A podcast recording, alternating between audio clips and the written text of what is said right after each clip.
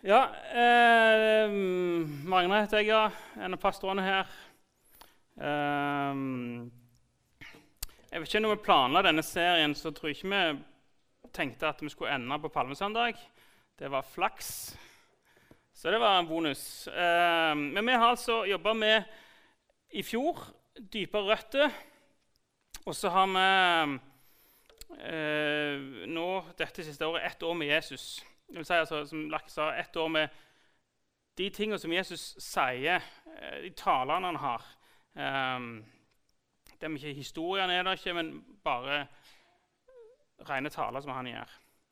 Um, og Så nevnte han da eh, Lucky, at vi har gått gjennom Mattesevangeliet er strukturert i fem deler. Der det er fem taler. Så vi har gått gjennom den første og mest kjente, kapittel 5-7 hvordan vi lever i Guds rike, er jo bergprekenen. Og så er 9-10 oppdraget, 13 hva forventer når du er i Guds rike. Og så avslutta vel Kjersti med ordningene i Guds rike. Guds rike som er opp-ned-rike.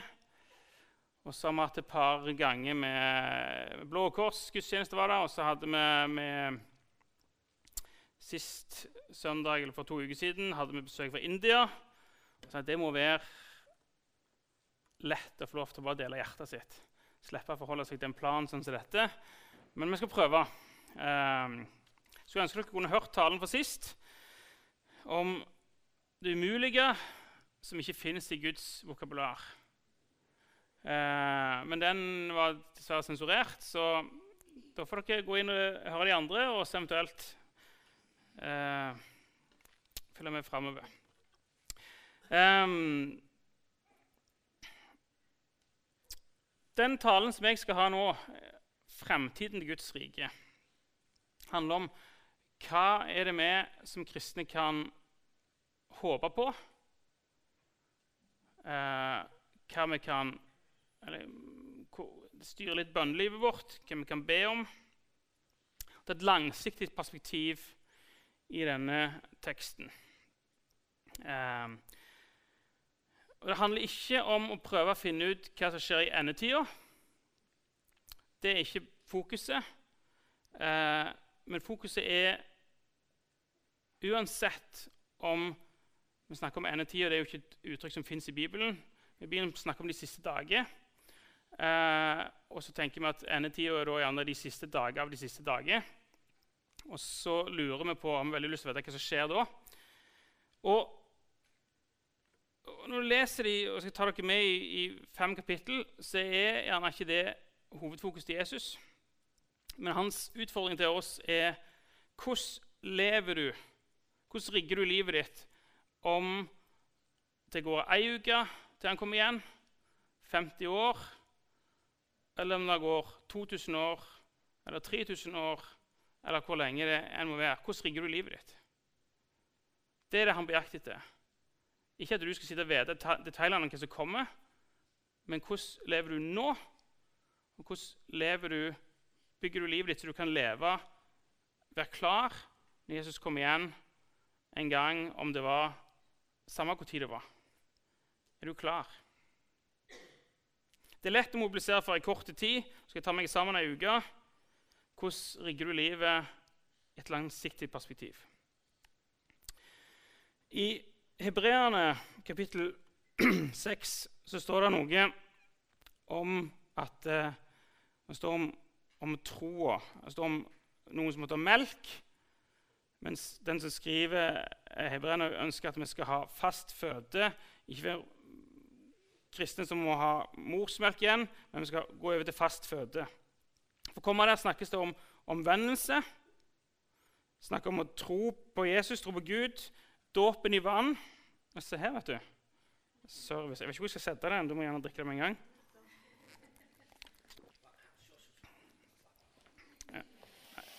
OK, OK. Takk. Um, ja, dåpen i vann og dåpen i ånd. Altså med håndsbeleggelse for Den hellige ånd. Og så stopper ikke lista der, men så står det om at eh, om den kommende dom. At Gud skal dømme verden. Og det handler om verdensbildet. Altså, hvis du skal være en kristen og jeg har omvendt deg, du tror på Jesus, du er døpt i vann, og du har blitt lagt hendene på og fått Den hellige ånd Og så Den femte tingen er du må ha et riktig verdensbilde. Hvordan er verdensbildet ditt? Det verdensbildet du har, det styrer, um, det styrer hvordan du lever. Så denne talen handler om å prøve, ønsker at vi skal være klar, vi skal ha riktig verdensbilde. Han prøver å dra oss vekk fra religiøsitet og sier at det er farer som lurer, det er grøfter å gå i. Og så sier han at det, Jesus, menneskesønnen, han kommer en dag igjen for å dømme alle folkeslagene. Så det er planen for i dag. Vi skal lese mye, så du kan ha fram Bibelen din. Eh, hvis du ikke har med Bibelen, kan du ha fram telefonen. Jeg bruker, I bibelappen så bruker jeg eh, 88 slash 07 Norsk bibeloversettelsen, hvis du vil ha den som jeg leser ifra. Eh, det kommer ikke bibeltekster på skjermen. Jeg har prioritert å bruke skjermen til noe annet. Eh, så du velger hvordan du vil følge det. Men vi ber litt til. Jesus, nå ønsker jeg å be om at du skal åpne ditt ord for oss. Jeg ber om du skal gjøre ordet virkelig for oss. Eh, og så skal ordet få gjøre det som bare ord kan gjøre. Jesus, du er det inkarnerte ordet. Eh, så jeg ber Jesus komme og gjøre det som du vil.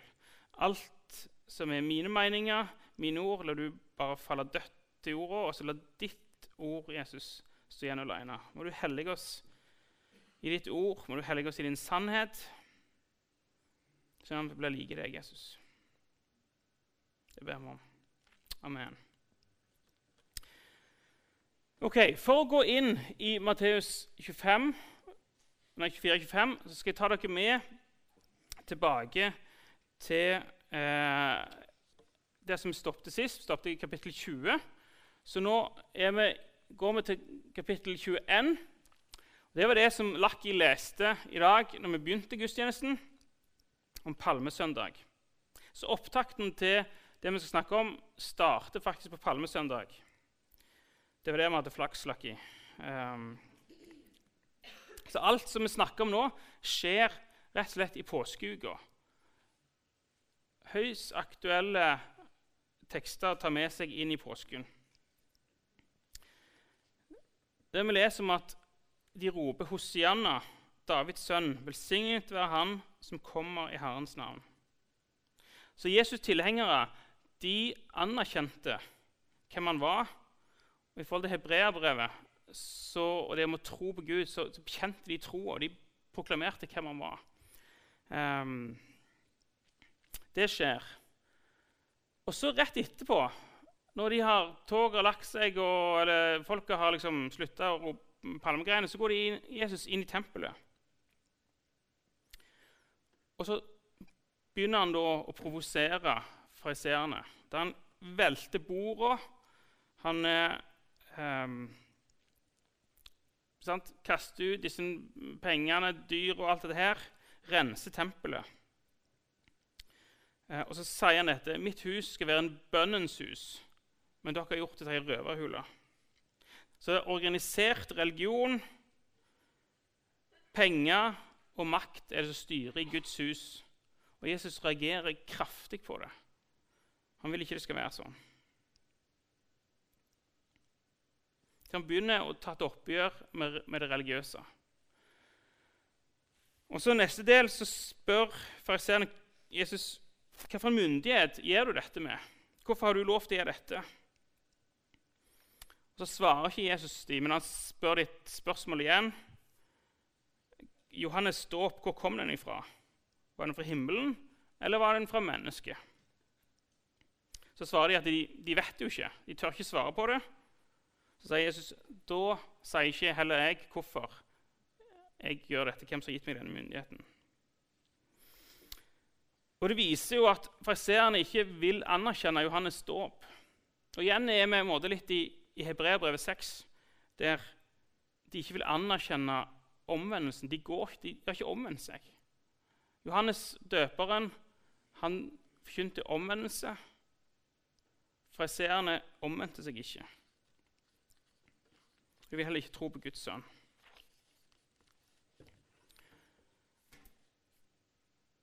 Videre så eh,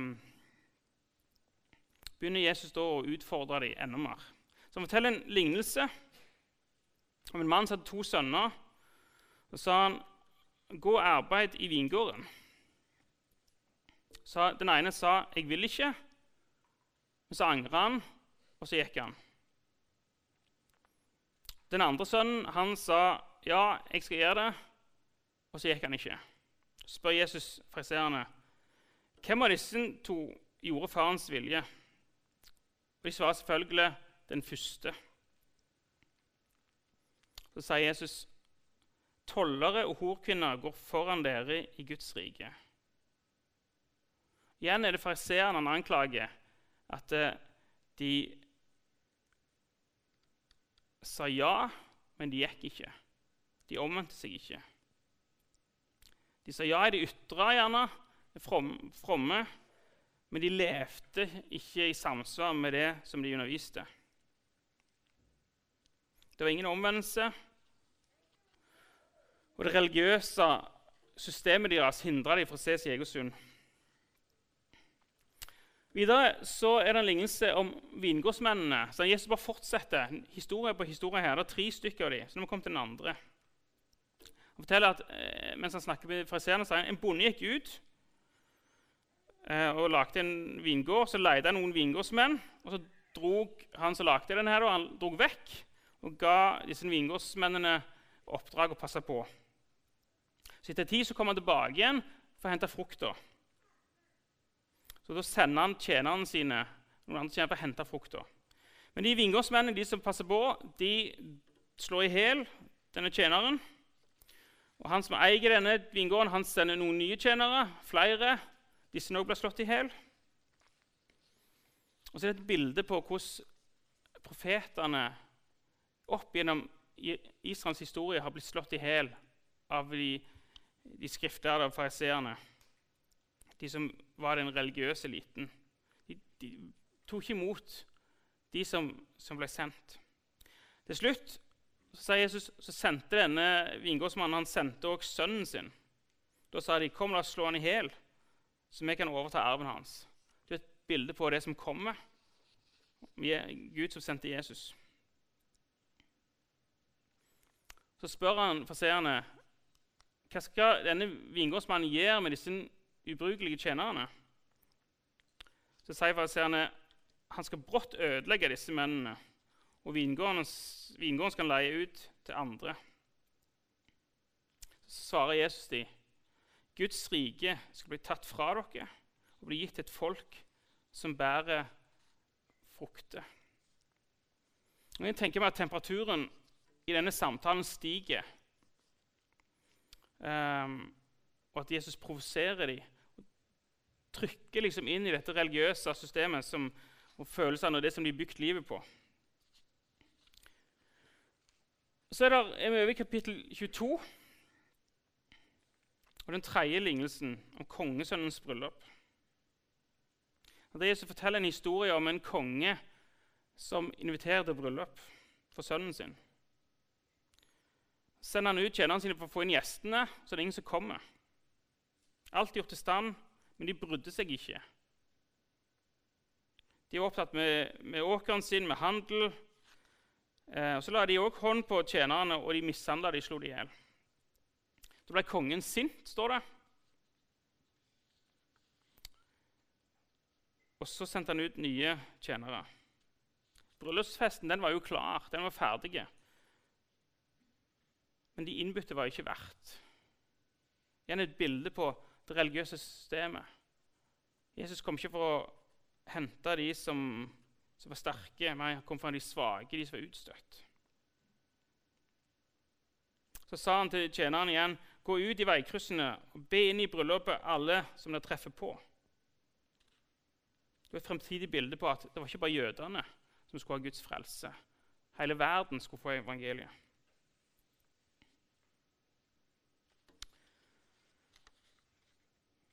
Så Jesus utfordrer fariseerne. Eh, altså de som granska Skriftene, de er blitt blinde av religiøsitet. De lot seg ikke rense med Jesu blod, og de var ikke klar til denne bryllupsfesten som, som skulle bli holdt. Og Så er det nå vært tre historier der eh, Jesus har utfordra dem, deres religiøsitet. Så kommer det tre ting til Det er da fariseerne prøver å sette Jesus fast. Nå er det de som styrer samtalen. Da ser det sånn ut. Denne historien om er det tillatt å gi keiseren skatt eller ikke. Der Jesus på sin geniale måte spør etter en, en mynt. Så sier han hvem er det bilder på denne? Så sier de keiseren. Så sier de, ja, gi da keiseren det som keiserens er, og Gud det som Guds er. Så de klarer ikke å sette ham fast.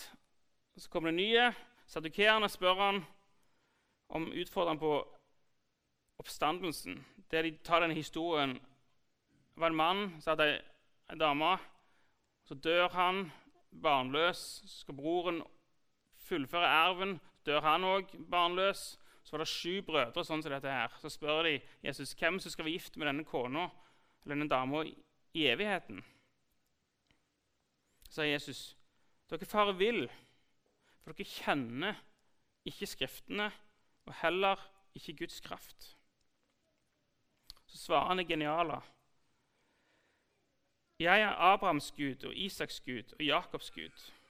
Han sier Gud, ikke de dødes Gud, men de levendes Gud. Så, så det som Jesus prøver å si, at det handler ikke om å bare lese Bibelen, det handler ikke bare om å lese loven, pugge. Du må komme til hjertet og møte personen bak. Du må møte Gud, komme inn i Guds hjerte. Det er mer enn å bare å pugge en lov. Og Så utfordrer jeg den siste tingen med eh, hva som er det største bud i loven. Da svarer jo Jesus litt sånn som de liker. Du skal elske Herren din Gud av hele ditt hjerte, hele din sjel og all din forstand.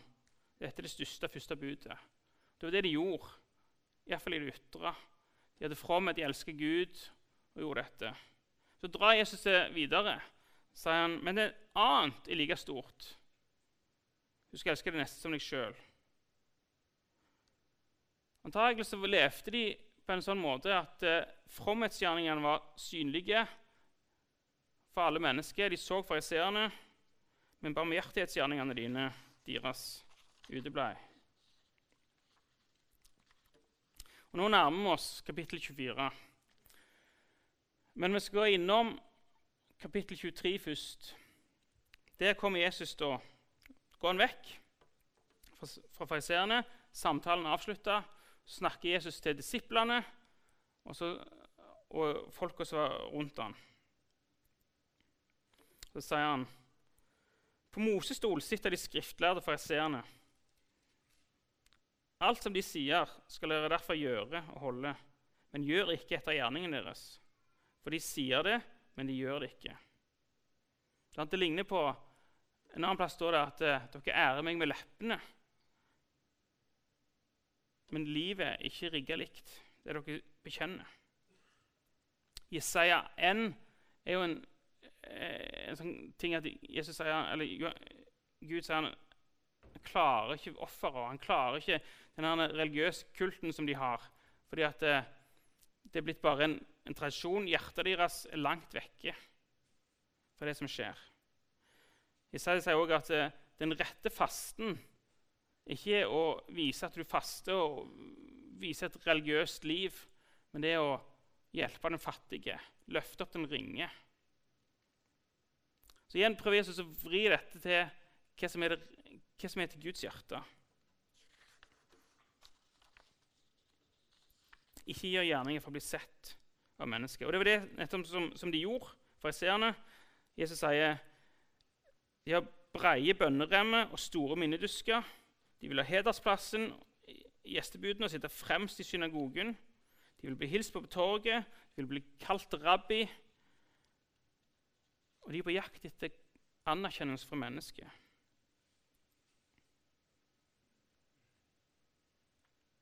Men den største blant dere skal være den andres tjener. Den som oppør seg sjøl, skal fornedres. Den som fornedrer seg sjøl, skal opphøyes. Her hører vi ekkoet fra bergpreken om Jesus som underviser disiplene og folket hvordan de skal leve. Hvordan de skal bevare et mykt hjerte for å leve etter Guds hjerte, ikke etter et religiøst hjerte. Og Så kommer det litt til. Stakkars fariseere. De får gjennomgå åtte stykk ved. Jeg vet ikke hvordan du legger det ordet. Jesus sier 'ved dere'. Ved dere skriftlærere presere, dere hyklere. Dette sier han åtte ganger. Og ved er en måte eh, Jeg vet ikke om du bruker det i dagligtalen, eh, men det er jo sånn, et ord som beskriver for Jesus en sorg, eh, en skuffelse over de religiøse lederne. Så vi gå gjennom de. Han sier, 'Ved dere så stenger himmelens rike for mennesket.' Sjøl går dere ikke inn, og de som er i ferd med å gå inn, tillater dere ikke å gå inn. Ved dere som eter opp enkers hus for syns skyld og holder lange bønner. Ved dere som farer omkring over hav og land for å vinne en eneste tilhenger, og dere gjør det til et helvetes barn to ganger verre enn dere sjøl. Ved dere som snakker om å sverge med tempelet, så betyr det ingenting, men sverger han med gull i tempelet, da er han bonden av eden. Eller han sverger med alteret istedenfor offergaven. Ganske langt avsnitt om det. Jeg tror Jesus prøver å si at det, her er det mye misforståelse og oppfattelse av detaljene og hva, hva det betyr i Guds ord og hans lov. Han avslørte at han hadde lite kjennskap til Guds hjerte. Det viser neste ved vers 23. Ved dere som gir tiende av mynte, men det er ugjort det som veier tyngre i loven. Rettferd, barmhjertighet og troskap. Dette burde gjøres, det andre ikke forsømmes. Ved dere som gjør begre og fat rene utvendig, men innvendig er de fulle av rov og urenhet. kommer det en oppfordring fra Jesus. Rens først begeret og fatet innvendig, så at også det utvendig blir rent. Her snakker Jesus om hjertet deres. Snakker om deres harde steinhjerte. Og at det eneste er omvendelse som gir et mykt hjerte. Religiøsitet er et liv uten omvendelse. Det sier neste vers òg, 27. Ved dere som utvendig vakre å se til, men innvendig er dere fulle av all slags urenhet. Dere viser en ytre rettferdighet for folk, men innvendig er dere fulle av hykleri og lovløshet. Så ved dere som sier hadde vi levd i våre fedres dager, så hadde vi ikke vært medskyldige med dem i profetene sitt blod. Så De sa jo at de var bedre enn de som levde 400 år før, som slo i hjel profetene. Men nå gir Gud en ny prøvelse. Han sender sin sønn. Fremdeles så forfølger de kirka. De var helt like.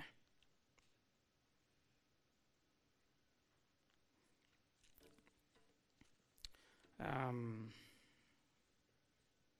så sier han i vers 36 at ansvaret for gjerningen deres må dere bære sjøl. Ansvar for det religiøse livet deres må dere bære. Og Nå nærmer vi oss veldig kapittel 24. En liten overgang her. Nå kommer, kommer Jesus sitt hjerte fram. Veene over fariseerne uttrykker Jesus' sorg, men også hans omsorg for disse religiøse. Da sier han i vers 37.: Jerusalem, Jerusalem, du som slår i hjel profetene og steiner dem som er sendt til deg. sier Jesus, hvor ofte vil jeg samle dine barn? Og så kommer han med en profeti. Se, huset deres skal bli liggende øde. Og en til profeti. Fra nå av skal dere ikke se meg før dere sier igjen Velsignet være Han som kom i Herrens navn. Jesus snakker om en fremtidig palmesøndag. En dag igjen i framtida skal det igjen ropes i Jerusalem Velsignet være Han som kom i Herrens navn. Og da er vi i kapittel 24. Jesus går ut, så kommer disiplene til ham og så sier han, se her, se tempelet. Se de flotte bygningene. Og så svarer Jesus, ser dere ikke alt dette? Sannelig, jeg sier dere, her skal det ikke bli stein tilbake på stein som ikke kan brytes ned. Hvis du googler hjemme i Jerusalem og steiner, så finner du bilde av steinene fra Herodes sitt tempel. Som ligger begravd fram. Svære svære steiner som ligger i, som ruiner. Du kan se det i Jerusalem i dag.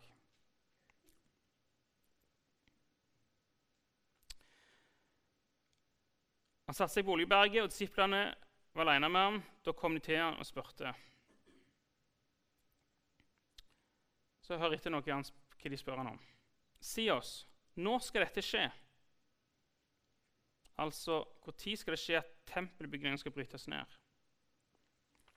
Som Jesus sa i kapittel 23, vers 38 Huset skal bli øde.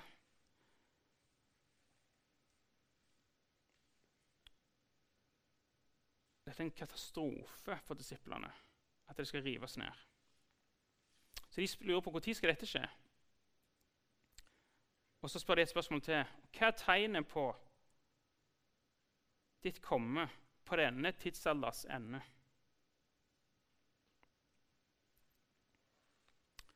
Egentlig er det de spør om. Når skal det igjen ropes 'Velsignet være Han som kommer i Herrens navn'? For det gir disiplene håp. De skjønner at noe skal ødelegges. De skjønner at noe går dukken her. En krise. Så de lurer på når krisen skjer, og så lurer de på når det er håp. Når kommer han igjen? Disse to tingene henger sammen. To historiske hendelser som henger sammen for dem. Og Her er det et eksempel på en sinnssykt bra huskirkekveld. Der du sitter i huskirka, og noen lurer på se her, se tempelet, se de fine bygningene. Tenker du om det, Jesus? Så begynner Jesus å undervise. Um, jeg elsker sånne huskirkekvelder. Vi har hatt i, i vår huskirke der bare noen plutselig spør om noe. Så begynner vi å snakke om noe. Så drar samtalen en plass der jeg eller Kent som jeg leder lag med, ikke hadde tenkt. Eller, og så får vi et kjempemøte med Gud. Fordi at det skjer et eller annet i rommet. Noen lurer på noe. Så kommer Den hellige ånd og med oss. Og Så spør disiplene disse, disse spørsmålene. Og så er det sånn hva er i tankene til Jesus? Han har nettopp snakket om de religiøse farene, eh, om menneskene sine harde hjerter. Så vet han nok veldig mye om hva som skal skje, men han vet ikke alt. Så tenker han sikkert hva er lurt å fortelle disiplene, sånn at de får tak i de viktigste. Eh, så de ikke blir religiøse i dette. Så er det noe her når han svarer, som er viktig for ham. Han som nettopp har grått over Jerusalem, ligger på hans hjerte. og Det kommer flere ganger etterpå nå. Jesus fra sitt hjerte sier, 'Bli ikke forført. Bli ikke urolige. La dere ikke skremme. Bli ikke ført vill.' Så for vers 4 så begynner Jesus å svare på disse to spørsmålene. Og her holdt på å si, skilles gjerne våre veier. Hovedsakelig teologien her så er det to syn på denne teksten som kommer. Noen tenker at Jesus' svar handler om de siste dager. Altså de siste dager av de siste dager. Om, om Antikrist som er i Jerusalem. Det er en måte å tenke.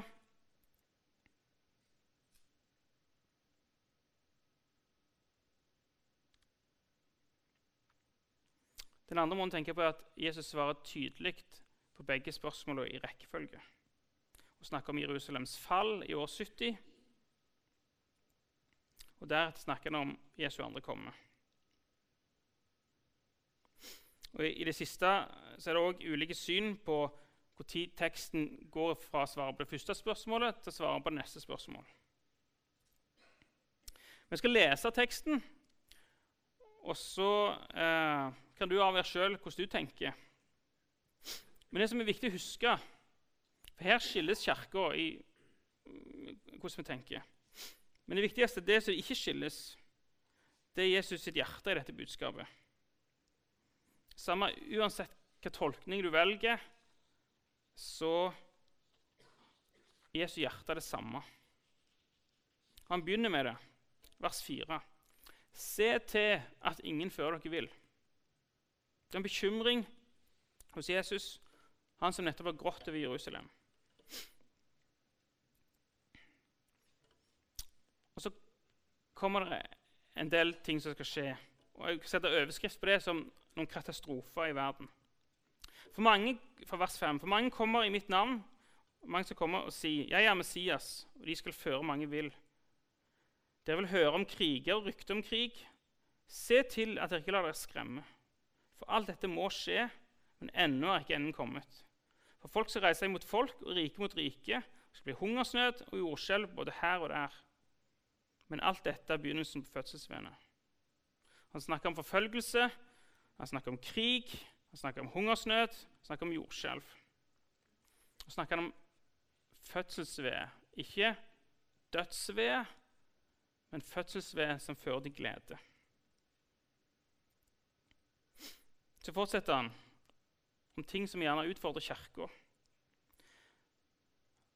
Om forfølgelse, om frafall og lovløshet. Da skal de overgi, overgi dere til trengsel og slå dere i hjel og dere skal hates av alle folkeslag for mitt navns skyld. Mange skal da falle ifra, og de skal angi hverandre og hate hverandre. Mange falske profeter skal stå fram, og de skal forføre mange. Det er samme som han sier i vers 5. Og fordi lovløsheten tar overhånd, skal kjærligheten bli kald hos de fleste. Så Jesus snakker om noen ytre farer og noen indre farer. Hvordan skal du møte dette? Hvordan skal du som etterfølger av Jesus, som disippel, hvordan skal du møte disse farene? Kom i de neste versene. Vers 13. Men den som holder ut til enden, han skal bli frelst. Så hold ut. Det står ikke 'den som seirer', den som har et suksessrikt liv og suksessrikt tjeneste. Nei, han sier 'den som holder ut'. Den som elsker Gud, den som elsker sin neste. Som prøver så godt han kan å adlyde og følge Jesus. Den som holder ut. Og vers 14. Og dette evangeliet om riket skal bli forkynt over hele jorden. Så forkynn evangeliet. Samme hvilket syn du har på når dette kommer. Hold ut og forkynn evangeliet. To ting. Sånn møter du de ytre farene og de indre farene. Hvordan møter du alle nyhetsoverskrifter, alle profetiske tolkninger eller alle uenigheter i teologien? Ha dette sinnelaget. Elsk Gud og det neste. Hold ut i alt. Forkynn evangeliet uansett. Så kommer vi til vers 15. For da er vi liksom, Fokuset dras inn mot Jerusalem. Når dere da ser ødeleggelsens styggedom som profeten Daniel har talt om, stå på det hellige stedet, så kommer det iallfall i den norske oversettelsen en strek. På andre måter står det altså det kommer en kommentar her. Forstå det enhver som leser. Jesus sitter jo ikke og skriver. Det er Matteus som sier dette. Forstå det en som leser. Matteus sier 'gå og sjekk i Daniel'. Gå og les Daniel kapittel 9 Så kommer det videre det som Jesus sier. Da må de som er juda, flykte opp på fjellene. De som er på taket, må ikke gå ned for å ta med seg noe i huset. De som er ute på marken, må ikke vende hjem. Stakkar de som er med barn. Men be om at han skal slippe å flykte opp vinteren.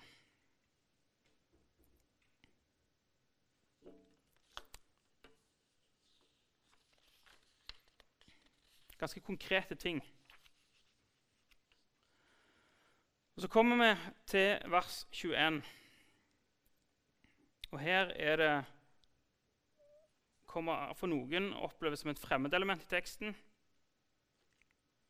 står det, For da skal det bli en trengsel så stor som ikke har vært fra verdens begynnelse til nå, og heller ikke mer bli. Og Dersom ikke de dagene ble forkortet, da ville ikke noe kjød bli frelst, men for de utvalgtes skyld skal de dagene bli forkortet. Om noen da sier til dere, 'Se, her er Messias', eller der, så tror de ikke. Igjen det samme som vers 5. For falske Messiaser og falske profeter skal stå fram og gjøre store tegn og under og føre, eh, forføre også det utvalgte vil, om det var mulig. Så kommer igjen Jesus' hjerte. Se, jeg har sagt det på forhånd. Dette skal, dette skal skje. Og han som grein tidligere over Jerusalem. Han kommer med sitt hjerte her. Han advarer oss. Han sier det på forhånd, det som skal skje, for at vi skal være klar. For som lynet går ut fra øst og skinner like til vest, slik skal menneskesønnens komme være. Der hvor åtslet er, der skal gribbene samles. Men straks etter de dagers trengsel skal solen bli formørket, og månen skal ikke gi sitt skinn. Stjernene skal falle ned fra himmelen, og himmelens krefter rokkes. Så gå og se på det siste verset, så siterer Jesus her Isaiah 13. Isaiah skriver akkurat det samme, om at stjernen skal falle ned, og himmelens krefter skal rokkes. Um, han beskriver Babylons fall i 1539. Verden sånn som de kjente den på Babylons tid, den fikk en ende. Isaiah bruker ganske sterke ord for å beskrive den enden. Jeg tror ikke stjernen datt ned, jeg tror ikke sola sluttet å skinne. Men det var de poetiske bildene som Isaiah brukte for å profetere om Babylons fall. Jesus siterer dette, gjenbruker ordet til Isaiah for det som skal skje framover. Så kommer det i vers 30. Da skal menneskesønnens tegn vise seg på himmelen, og alle folk på jorden skal bryte ut i klagerop. Og de skal se menneskesønnen komme på himmelens skyer med kraft og stor herlighet.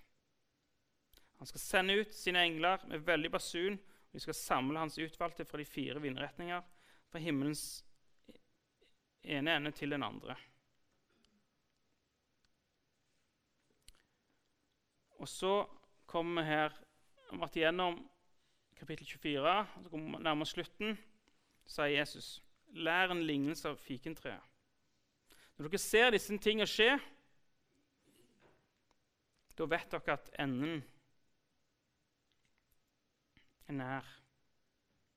At han er nær, at Jesus er nær. Han står for døra. Han sier denne slekt skal slett ikke få gå før alt dette skjer. Himmel og jord skal få gå, men mine ord skal slett ikke få gå.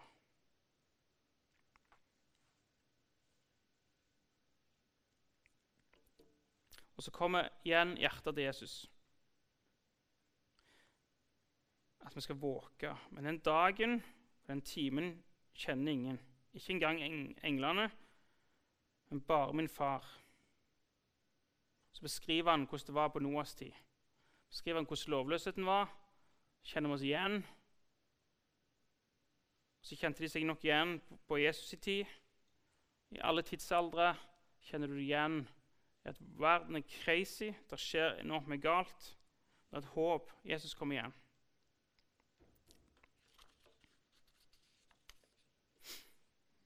Og så kommer vi der som er vår utfordring. Hvor, eh, hva er det Jesus prøver å si oss? Og Det viser han gjennom igjen eh, noen lignelser. Han snakker om, Jeg kalte han lignelsen om nattevakten. Hvis vi visste når tyven kom, da hadde vi vært oppe og vært klar. Samme holdning må vi ha til Jesu komme. Vi må være klar, vi må våge. Hold hjertet varmt. Hold tro, Vær klar i troa. Elsk Gud.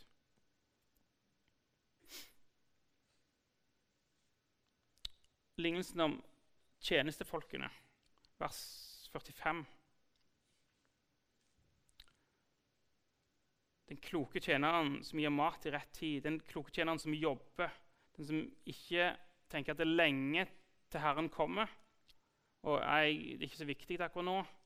Eh, det er lenge til Jesus kommer igjen. Jeg skal leve et helt liv. Det går fint. Jeg justerer meg inn ved slutten av livet. Da er du ikke klar. Jesus advarer mot disse holdningene. Jesus igjen på jakt etter å finne hjertet ditt. Arbeider du? Deler du evangeliet? Deler du med det du har fått? Elsker du de neste? Jesus er ganske hard mot de som ikke gjør dette. Man har nesten ikke lyst til å lese det. Men han skal hogge ham ned og gi hans del med hyklerne vers 51 der de skal gråte skjære tenner.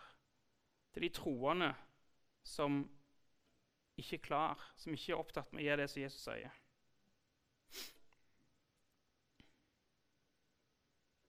Så kommer det en lignelse til. Vi har hørt flere av disse før. Vers 25 om de ti jomfruene. Fem gode, fem dårlige. Fem av dem hadde olje på lampen, fem av dem hadde ikke olje på lampen Så kommer brudgommen igjen, og så er det fem av de som er klar. Fem av de er ikke klar. De får ikke være med på festen. De var innbudt. De, de var forlova, men de var ikke klar. Det er ganske alvorlig. Våg derfor, vers 13, for dere kjenner ikke dagen eller timen. Vær klar, vær kloke. Ikke ta troa di for gitt. Ikke ta kristenlivet ditt for gitt. Pass på at det brenner i hjertet ditt, pass på at du har olje på. Pass på så religiøsiteten ikke dreper brannen i hjertet ditt. Nå nærmer vi oss virkelig slutten her. Lignelsen om talentene. Jeg har tatt med alle disse her, fordi det det. vi har hørt dem så mange ganger. Dette er sammenhengen der de står om en mann som dro utenlands. Så kan en tjene fem talenter, en to og en ett talent. Han som fikk fem, han klarte å tjene fem til. Han som fikk to, klarte å tjene to til. Han som fikk ett talent, han gravde det ned.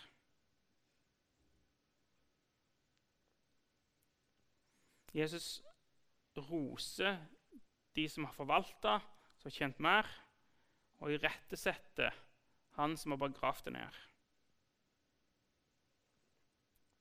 Så vær kloke forvalter av det Gud har gitt deg.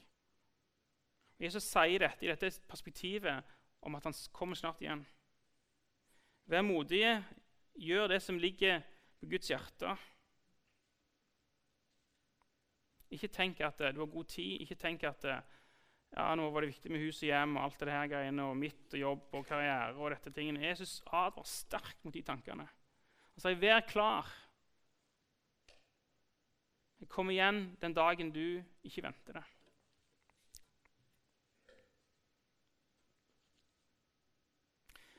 Det var en rask gjennomgang av fem kapittel. Disse kapitlene er en vekker i troslivet vårt. Og det bør mobilisere oss i bønn og gi oss håp. Så Jesus ønsker å utfordre deg. Er du klar? Lever du med rett perspektiv? Så sier han i sin barmhjertighet, han som grein over Jerusalem, sier til deg, våk. Det er farer som lurer. Du kan bli som fariseerne, leve et liv uten omvendelse, gå på bedehuset ha det greit. Men det utvikles en, en eh, religiøsitet i livet ditt. Du må leve ut fra et langsiktig perspektiv. Det kan være at Jesus ikke kommer igjen nå mens du lever. Det kan være han kommer igjen i morgen. Det kan være han kommer igjen om 1000 år. Du må rigge livet ditt for at du er klar og den gode forvalteren hele tida. Ikke bare mobilisere for ei lita uke. Du må være klar. Hva slags verdensbilde lever du ut ifra? Tenker du at dette går sånn, det går bedre og bedre, økonomien går, renta går, alt blir, vi får mer penger, alt blir velstand? Eller har du et bibelsk bilde på hva som skal skje framover? Bibelen er full av informasjon om hva som kommer. Lever du etter det, eller ah, 'Jeg orker ikke ta i det'? Det er ganske alvorlig. Jesus advarer det er farer som lurer. Det er indre farer i kirka i religiøse livet. Det er ytre farer som kommer utenfra. La deg ikke fange. Hold ut. Forkynn evangeliet.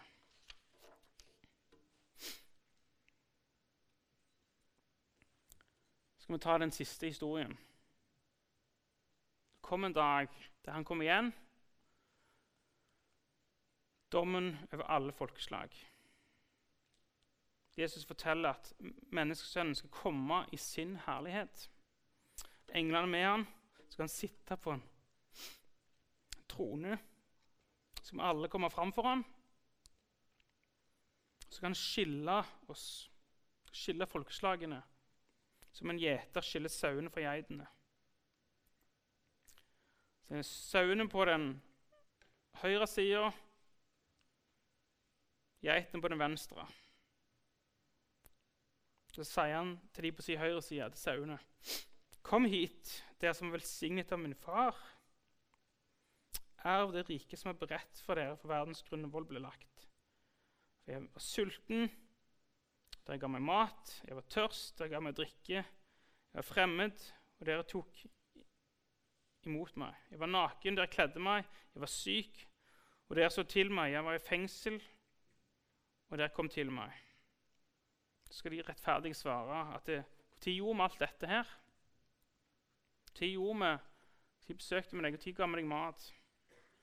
Så skal kongen si Alt det dere gjorde mot en av mine minste, det gjorde dere mot meg. Dra Jesus tilbake til at det er ikke det religiøse fromhetslivet, det du viser for andre mennesker, hvor mye du ber, hvor prektig du er, hvor mye du løfter hendene i lovsang hvor ofte du går på bedehuset, hvor ofte du er i huskirka eller noe sånt. Det er Ikke det som er viktigste. Men gir du barmhjertighet mot de neste, mot de minste, da gir du det mot Jesus. Så sier han til de på venstresida.: Vik bort fra meg, dere som er forbanna til den evige ild, som er beredt for djevelen og hans engler. Så er det akkurat det motsatte. Jeg var sulten, dere ga meg ikke mat. Jeg var tørst, dere ga meg ikke drikke. Og videre nedover. Så sier de, men når så vi deg sånn? Så deg ikke sånn. Du, vi, du ikke, vi, så ikke noen, vi så ikke deg at du var naken, at du var sulta. Så Jesus, det dere ikke gjorde mot en av mine minste, det har dere heller ikke gjort mot meg. Disse skal gå bort i en evig pine, men de rettferdige til et evig liv.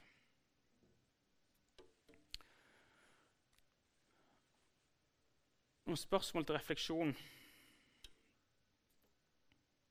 Hvor er du hen? Har religiøsiteten tatt deg? Lever du et kristenliv uten omvendelse? Hva for et verdensbilde styrer du livet ditt ut ifra? Er du redd? Har du angst? Eller våker du?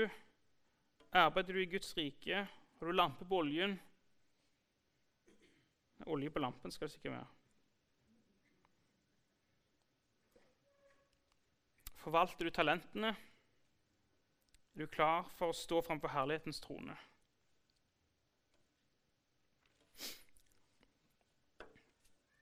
Neste del, kapittel 26, så står det at eh, to dager igjen til påske til Jesus døde. Husk det, at han som er troløs Nei, hvis du er troløs, så er han trofast. Husk at han gråt over Jerusalem. Johannes brev, første brev sier at hvis du synder, så har vi en talsmann som tilgir oss.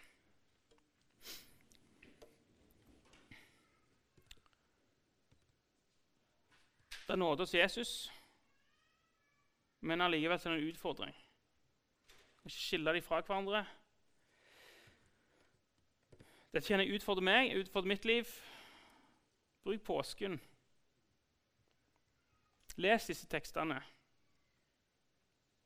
Det var bakgrunnen for det når Jesus hang på korset. Han akkurat delt disse tingene.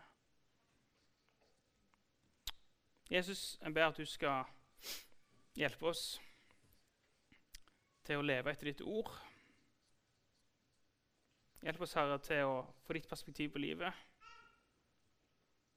må du fylle oss med din nåde, din kraft til å våke, kraft til å være klar, kraft til å hjelpe vår neste, kraft til å holde ut, kraft til å dele evangeliet.